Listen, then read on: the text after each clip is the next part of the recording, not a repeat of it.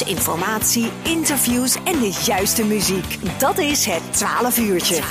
Elke zondagmiddag tussen 12 en 2 bij LOM Radio met Tom Rijmakers en Corné Kremers.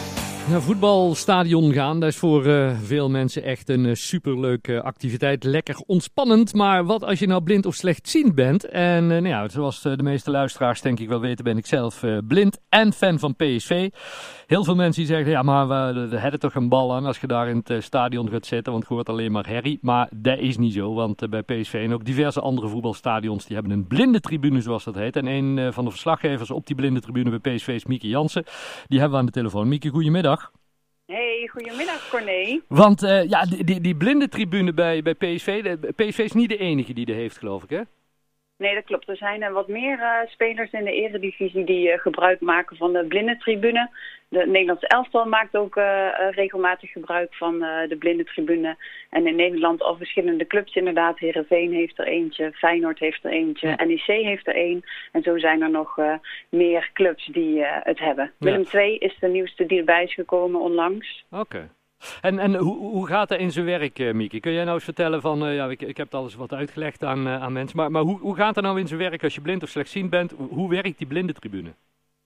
Nou, de blindentribune werkt als volgt. Uh, ze hebben speciale plekken in het stadion waarbij ze gebruik maken van een headset. Mm -hmm. En daarin uh, zijn twee commentatoren van uh, PSV te horen. Onder andere, ik ben dat, maar we zijn met een team van vier personen. En met die headset kunnen jullie eigenlijk de wedstrijd geheel volgen door middel van een objectief en bevlogen verslag.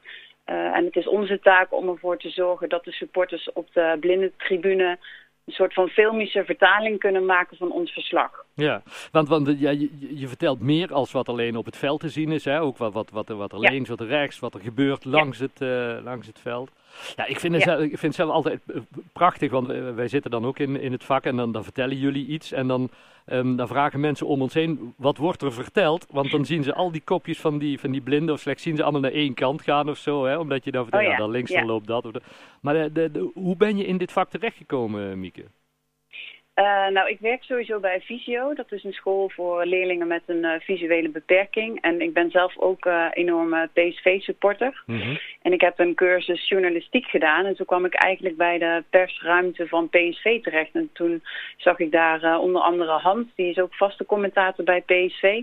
En ik wilde eigenlijk graag eventjes met hem babbelen over de blinde tribune. Om ook aan mijn leerlingen ja, te kunnen vertellen in de klas... Um, wat dat precies is en hoe ze daar bijvoorbeeld kaarten voor kunnen krijgen. Yeah. En uh, toen nodigde Hans mij uit om een keertje te komen luisteren ook op de blinde tribune, zodat ik ook ja, wat duidelijker en meer informatie naar mijn leerlingen over kon brengen. Hm. En uh, dat vond ik eigenlijk zo leuk uh, dat ik meteen gesolliciteerd heb om, om dat ook te gaan doen. Want in mijn dagelijkse werk ben ik natuurlijk ook heel erg veel bezig met het vertalen van ja. de ziende wereld voor mijn leerlingen. Ja. En uh, ja, in combinatie met PSV leek me dat wel de ideale vrijwilligersbaan. Ja, en, en, en zijn er ook dingen waar je aan hebt moeten, moeten wennen, zeg maar, in, in, in de blinde tribune in, qua verslaggeving?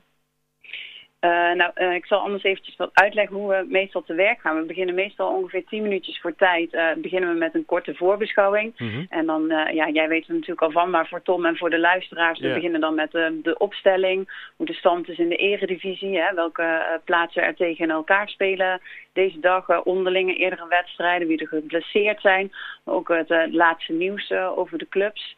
En uh, bij de opkomst wordt dan ook het tenue van beide clubs besproken. En de TOS en welke kant erop uh, gespeeld gaat worden. Want de uh, sporters van de blindentribune zitten aan dezelfde zijde als wij. Dus dat is voor het commentaar wel makkelijker. Mm -hmm.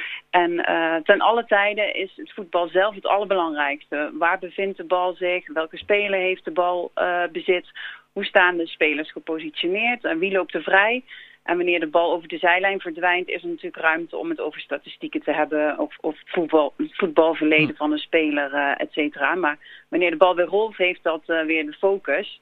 En een mooie aanname is dan niet uh, voldoende. Het is meer, hoe neemt de speler die bal dan aan? Is dat met het borst of met het hoofd of met de voet? En welke voet is het dan? Hm. Is het de linker, is zijn linkervoet of zijn rechtervoet, de buitenkant of de binnenkant? Je bent echt heel gedetailleerd bezig met, met wat je ziet. Maar ook bijvoorbeeld de warmlopers, hè, die de, de, mensen die in het stadion zitten, die kunnen ze zien. Nou, dat vertalen we dan natuurlijk ook. Wie zijn er aan het warmlopen? welke iconen van PSV zitten er op de tribune? Zijn er spandoeken in het stadion? Zijn er opstootjes op de tribune? Hoeveel is het uitvak gevuld? Wanneer uh, Roger Smit zich een keertje opwint voor de dugout. Eigenlijk alles ja. uh, wordt, wordt besproken. En ja, ik vind gewoon dat alle supporters het zo optimaal mogelijk moeten kunnen beleven. En dan is het onze taak om het zo optimaal mogelijk te vertalen. Ja, ja, het, het is, het is, ja, het is echt een super beleving als je op die manier in het, in het stadion zit. Als je het op een andere manier niet, niet kunt zien. En, en ja, in principe is het ook niet duurder dan, dan andere vakken, heb ik gemerkt. Hè? Voor, voor, nee, klopt. Nee, het is dezelfde prijs inderdaad. En uh, er wordt wel altijd aangeraden inderdaad om met z'n tweeën te komen. Dus dat er wel een begeleider bij zijn ja. is. Dat is dan ook in verband met de calamiteit. Dat uh, als mocht er iets zijn dat jullie dan in ieder geval snel weg kunnen ook. Ja. En de kaartjes zijn inderdaad even duur. Ja, fantastisch. Vanavond gaan we het uh, tegen Sparta opnemen thuis. Ben je er vanavond bij? Jazeker, ben ik er vanavond bij. Samen met Hans, die is vandaag overigens jarig. Dus Oh, die wil ik bij deze alvast even feliciteren. Hartstikke Maar vanavond eh, Sparta Rotterdam inderdaad eh, op bezoek. De nummer eh 14 van de Eredivisie. Dus ik denk dat we met glans gaan winnen vanavond. Ja, Nee? laten, we, laten we het hopen. Laten we het hopen. Hey Mieke, hartstikke fijn dat we even een kijkje kregen in de, de blinde tribune van PSV Keuken. Ik zou zeggen heel veel succes vanavond. En nou ja, we, ik hoor je in ieder geval vanavond weer. Helemaal goed, dankjewel. Hey, dank en eh, de kaarten zijn altijd te koop gewoon via het PSV kaartverkoop. Mochten er nog meer luisteraars een keertje willen komen luisteren. Super, hartstikke leuk. Hey, bedankt hè. Oké, bedankt. Groetjes. Fijne uitzending. Doei.